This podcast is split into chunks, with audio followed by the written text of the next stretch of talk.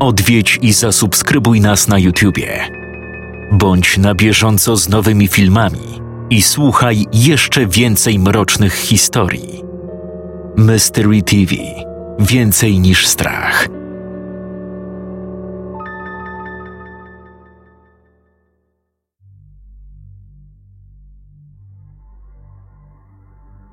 Ania usiadła na sofie przed telewizorem, stawiając na niewielkim stoliku miskę uprażonego w mikrofalówce maślanego popcornu oraz butelkę piwa. Chociaż bardziej był to napój owocowy z dodatkiem piwa, ale dla siedemnastoletniej dziewczyny było to w sam raz. Tego wieczora była sama w domu. Rodzice wyjechali na czterdziestą rocznicę ślubu jakiejś cioci. Mimo, że był piątek, Ania ze smutkiem w głosie przepraszała rodziców, że nie może im towarzyszyć w tak świetnej i wspaniałej uroczystości. Ale w poniedziałek jest już wystawienie ocen i ma ostatnią szansę, aby wyciągnąć się z matmy na piątkę. Mimo szczerych chęci, musi zostać w domu i się uczyć.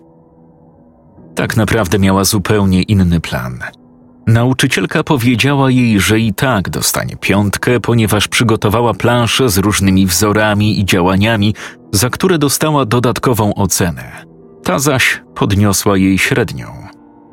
Dzięki temu nie musiała poprawiać kartkówki i spokojnie mogła urządzić sobie wieczorny seans z horrorem i piwem o smaku marakui czy innego tropikalnego owocu przeglądała kolejne pozycje dostępne na Netflixie, zajadając się powoli przygotowaną wcześniej przekąską.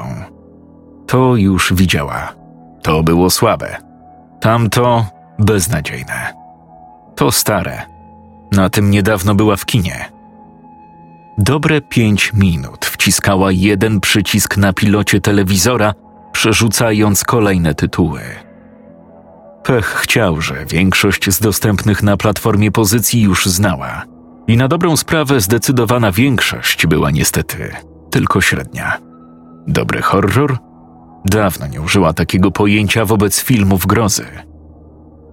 Ostatecznie wybrała film na podstawie powieści Stephena Kinga, Doktor Sen.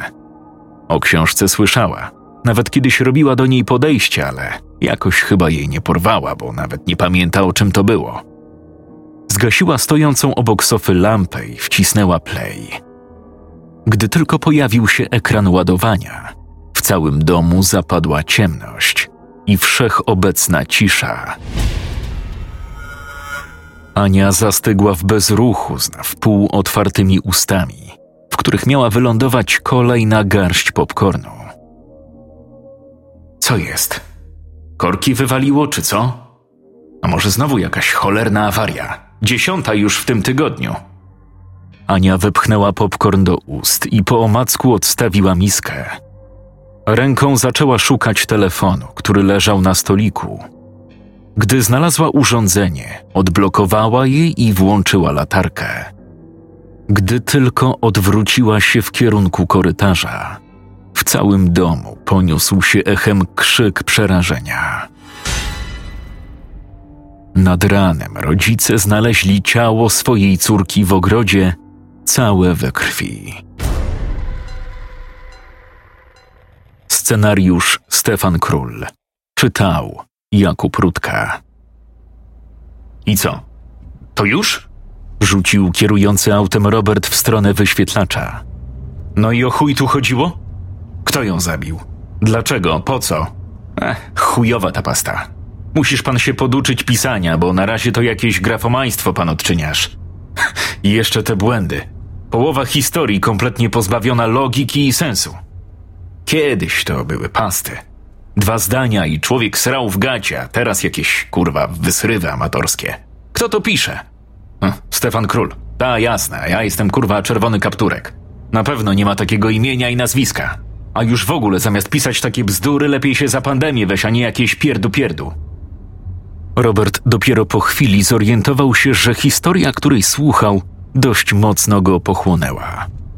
Mimo, że według niego nie było tam sensu i logiki, to cała opowieść zadziałała na niego niczym hipnoza. Kompletnie nie wie, jak upłynęło mu ostatnie 40 minut, i jak na dobrą sprawę pokonał ten dystans. Jego celem był Olsztyn, do którego miał dojechać z Wrocławia. Pokonywał tę trasę kilka razy w roku, lecz dziś wyjątkowo robił to w nocy, a nie w dzień.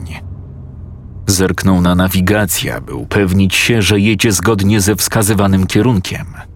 Wszystko wyglądało ok, a Google twierdził, że do celu dotrze za godzinę. Uznał, że najwidoczniej GPS wybrał inną trasę. Według Roberta gorszą, bo prowadziła niemalże cały czas przez las, a droga była kręta, przez co nie mógł w pełni rozwinąć skrywanych pod maską koni. Nie chciał nagle przyjebać w jakiegoś łosia czy inną sarnę. Dobra, skoro i tak przede mną jeszcze godzina jazdy, zobaczmy, co tam pan Rutka ma jeszcze ciekawego. O, tego chyba jeszcze nie słuchałem. Mój przyjaciel Zbyszek. Co? Zszywek, a mój przyjaciel Zszywek. o, brzmi ciekawie. Pasta o morderczym zszywaczu? Zobaczymy, niech będzie.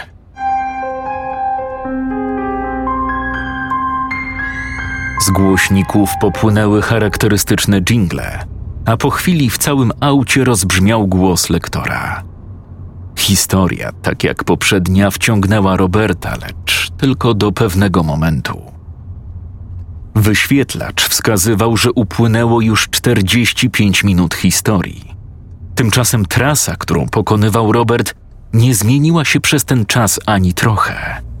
Co więcej, nawigacja nadal wskazywała, że do celu pozostała godzina jazdy. Co jest kurwa?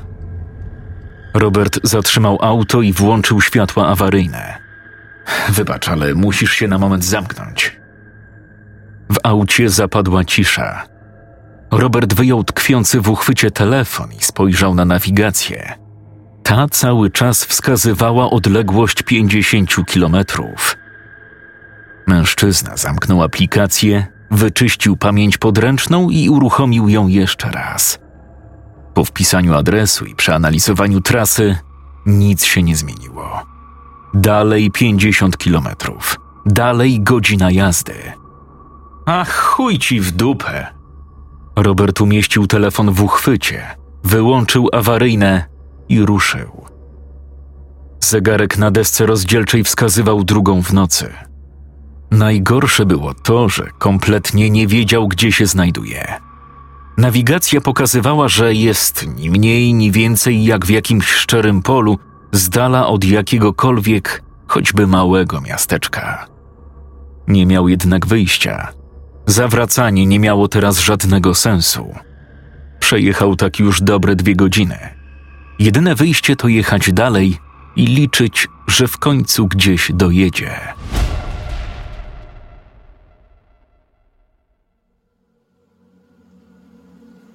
Zajebiście. No po prostu zajebiście.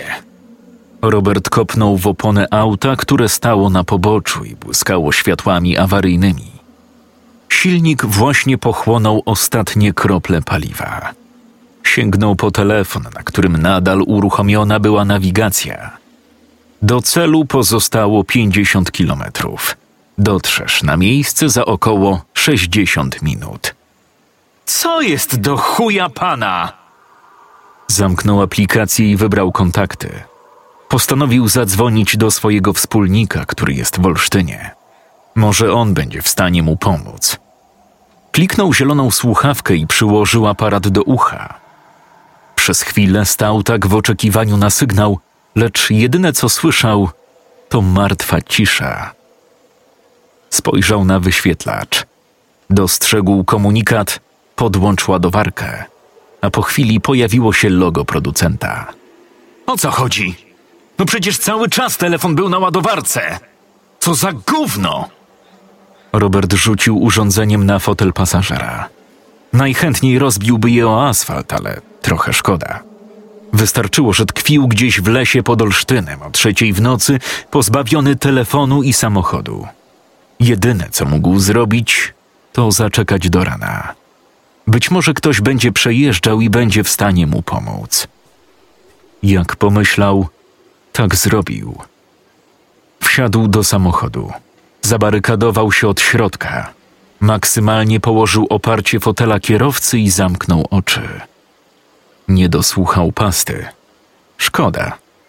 Teraz przydałby się głos lektora, który kołysałby go jak niemowlę. A tak? Czy w ogóle będzie w stanie zasnąć? Robert poderwał się niczym oparzony wrzątkiem. Kompletnie stracił poczucie miejsca i czasu. Przez krótką chwilę zastanawiał się, dlaczego stoi na poboczu i dlaczego zasnął. Na zewnątrz nadal było ciemno. Robert spojrzał w stronę, z której dobiegło go pukanie. Jakiś mężczyzna. Facet, zdecydowanie po pięćdziesiątce, a może nawet i koło sześćdziesiątki. Stał i przyglądał mu się uważnie. Wszystko w porządku? O, nie do końca, odpowiedział Robert, wychodząc z samochodu. Co pan tu robi? Nie wiem. Pobłądziłem chyba. Nawigacja mnie tak wyprowadziła. A niestety, paliwo się skończyło. Telefon padł, więc uznałem, że nic lepszego niż czekanie na cud nie zrobię. No i chyba właśnie taki cud mnie spotkał. No, a gdzieżeś pan tak jechał? Do Olsztyna. Nawigacja pokazywała, że niby tylko godzina, ale po godzinie nic się nie zmieniło i dalej godzina. Do Olsztyna. Ta. A coś się stało? Daleko stąd w ogóle do Olsztyna? No, wie pan, kawałek jest. Piechotą pan raczej nie dojdziesz. O, tego się domyślam. A pan? Gdzie ma pan auto? Ja nie mam. To czym pan przyjechał? Rowerem? Niczym. Mieszkam tu, kawałek za laskiem. Naprawdę? Hm. Nawigacja nie pokazywała żadnej. A, zresztą. Nawigacja nic nie pokazywała. Pewnie jak zwykle się coś spieprzyło. W każdym razie sądziłem, że poza lasem nie ma tu niczego. Że do najbliższego miasta jest sporo drogi. Nie, z 400 metrów w tamtą stronę i wychodzimy z lasu. Ojeju, no to z nieba mi pan spada. Czy byłaby możliwość, abym podszedł z panem? Może będę mógł zalać kanister na stacji? Nie mamy tu stacji. Nie? No niestety. Trzeba jechać dalej do miasta, jakieś 10 kilometrów. To może chociaż podładowałbym telefon. Wtedy zadzwonię po jakąś pomoc albo coś. No dobra. Pozamyka pan wszystko, bo jak ktoś spotka, to nie gwarantuje, że nie przeszuka. Jasne.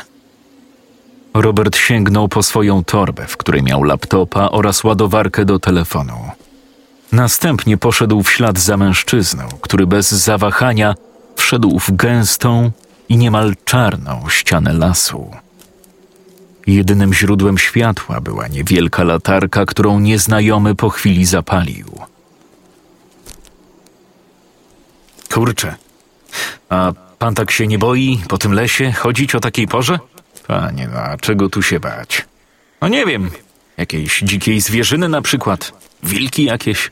Nie, raczej się tu nic takiego nie spotyka. Czasami jakaś sarenka przebiegnie. Łosia często można spotkać, ale to wszystko. Jak mówiłem, ten las nie jest strasznie wielki w tym miejscu. Tam dalej, jakby pan jechał prosto, to i owszem. Drzewa sięgają o wiele dalej niż u nas. Tam to może by pan wilka spotkał, ale tu wątpię. Mężczyźni szli w milczeniu kolejne metry. Robert nie czuł się pewnie. Właściwie to czuł lekki niepokój. Nie lubił chodzić po lesie nawet za dnia, co dopiero w środku nocy. A w ogóle to gdzie jesteśmy? Bo w sumie jeśli jesteśmy niedaleko Olsztyna, to powinienem znać to miejsce. No nie wiem, czy pan zna. Przecież to dziura zabita dechami. Proszę dać mi szansę. Wojnice. Wojnice szlacheckie. Wojnice szlacheckie. No, no to fakt. Kompletnie nic mi ta nazwa nie mówi. Tak myślałem, dlatego chciałem panu oszczędzić wysiłku. Daleko jeszcze? A co? Boisz się pan? Może nie tyle, że się boję, ale czuję się trochę niepewnie. No ta. Wy miastowi to las znacie tylko z wypadów na grzyby na obrzeża. Albo z opowieści. A może cierpicie na odwieczny, słowiański lęk przed lasem? To znaczy? Podobno to taka nasza narodowa fobia. Las. Tak jak ludzie, którzy zamieszkują tereny nadmorskie, boją się wody, bo o niej krążyło mnóstwo mitów i legend, tak my boimy się lasów. No, może coś i w tym jest. Na pewno coś w tym jest. Lasy są przerażające. Tutaj wszystko jest inne. Niby miejsce na ziemi, niby obok domu, ale jest inaczej, nieprawdaż? No, ciężko się nie zgodzić. Wiatr tutaj inaczej brzmi. Dźwięki odbijają się w inny sposób.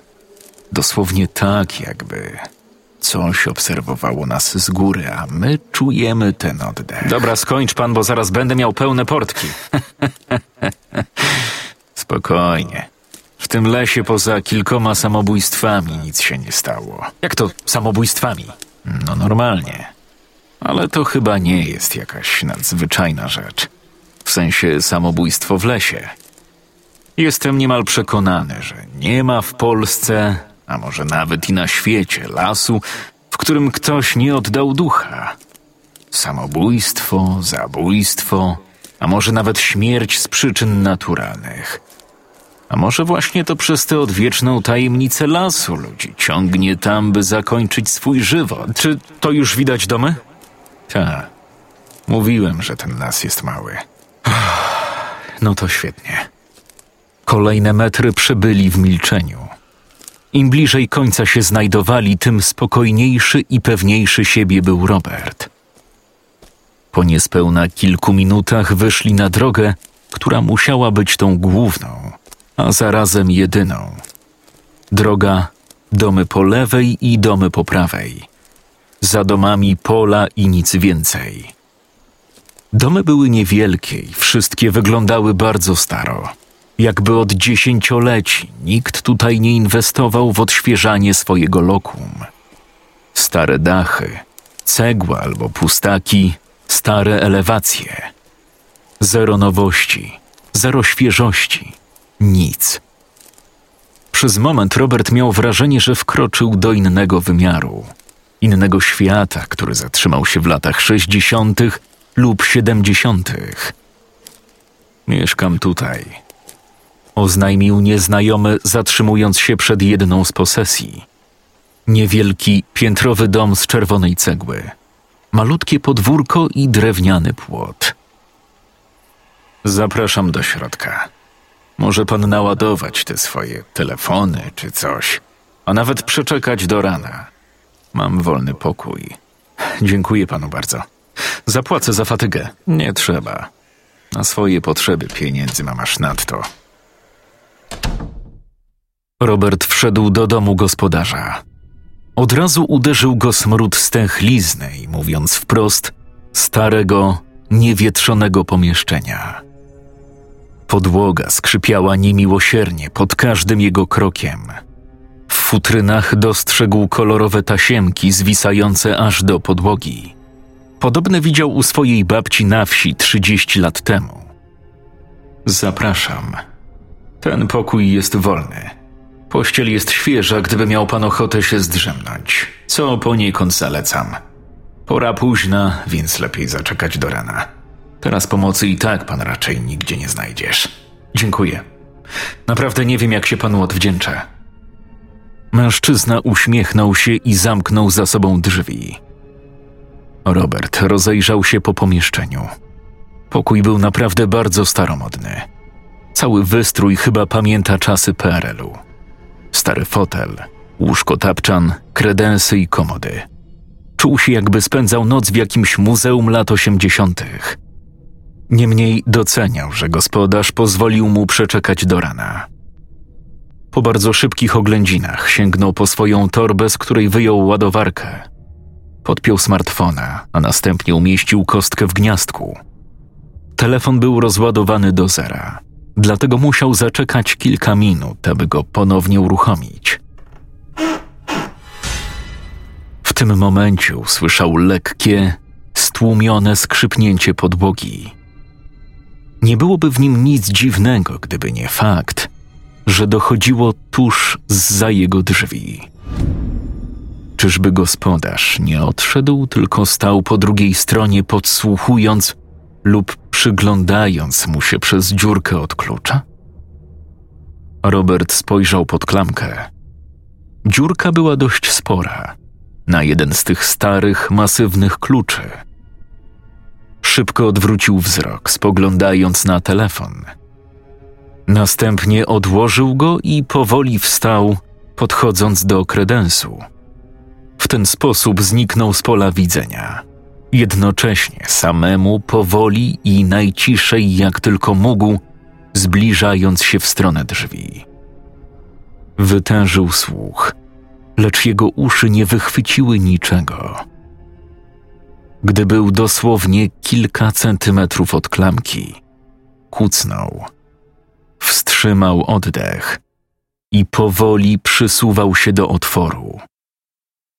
Policzy do trzech i spojrzy. Raz, dwa, trzy.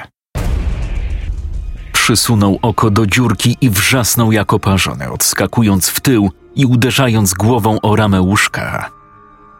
Gdy tylko spojrzał przez otwór, po drugiej stronie momentalnie pojawiło się okropne, zgniło zielone oko.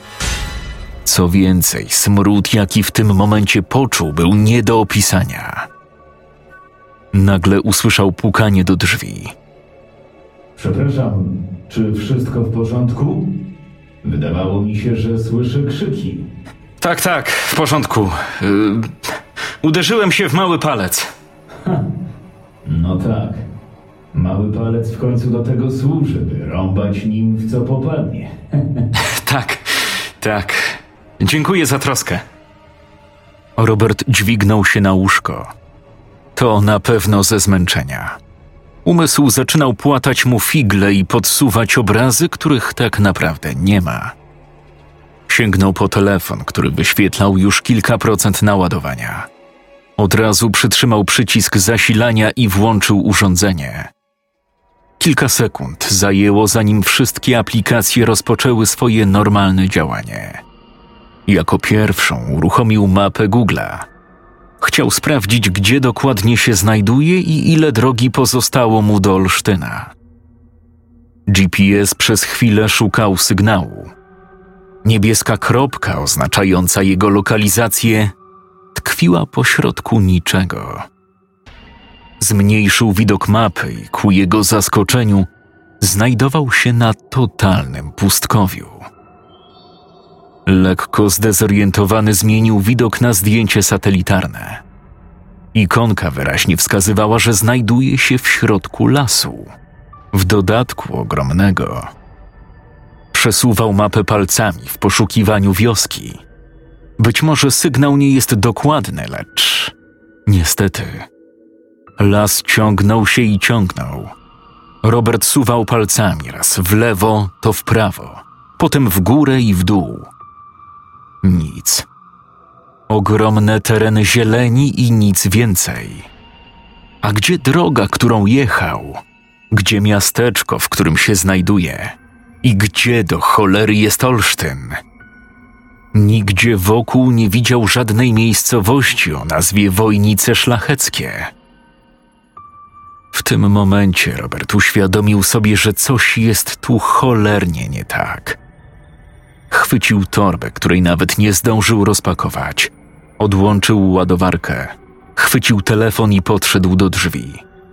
Przypomniał sobie oko, które obserwowało go przez dziurkę, a właściwie jego halucynacje. O ile to naprawdę była halucynacja. Chwycił za klamkę i najciszej jak tylko mógł otworzył drzwi. Niemal na palcach zaczął iść w kierunku drzwi wejściowych. W domu panowała grobowa cisza, przerywana jedynie przez donośne tykanie wiszącego na ścianie zegara z kukułką. Gdy znalazł się tuż przy drzwiach, chwycił za klamkę i otworzył je. W tym momencie przeszedł go lodowaty dreszcz. Na zewnątrz, na ulicy przed domem gospodarza, stał tłum ludzi. Kobiety, mężczyźni, a nawet dzieci. Wszyscy trzymali w rękach świece, lampy naftowe, a nawet pochodnie. Co jest, kurwa? Wybiera się pan gdzieś? Usłyszał głos mężczyzny za swoimi plecami. Odwrócił się i wrzasnął. Spodziewał się dostrzec tego samego starszego pana, który przyprowadził go do swojego domu i z którym rozmawiał całą drogę przez las. Tymczasem facet wyglądał tak, jakby jego ciało było w fazie zaawansowanego rozkładu. Odór był niemiłosierny. Wtedy dostrzegł też jego oczy. Zgniło zielone. Dokładnie takie same jak te, które zobaczył przez dziurkę od klucza. Nieładnie tak wychodzić w trakcie gościny. Grasamanta panu, hoitaruna woi. Grasamanta Ludzie zaczęli tłumnie skandować dziwną formułkę, której Robert nigdy w życiu nie słyszał. Tupali przy tym nogami i klaskali wolnymi dłońmi o swoje uda. Co tu się kurwa dzieje? Gdzie ja jestem? Odwieczny lęk przed lasem. Pamiętasz moje słowa? Natura domaga się ofiary. Tak się złożyło, że wybrała właśnie ciebie. To jakiś obłęd. To wszystko mi się śni. To miejsce nie istnieje. Tej wioski nie ma, ci ludzie to fikcja. Ci ludzie to nie jest fikcja. Każdy z nich gdzieś podróżował. Każdy zbłądził w tym lesie. To są wybrańcy. Oni żyją teraz dla naszej matki. Nie bój się. Za moment staniesz się jednym z nas.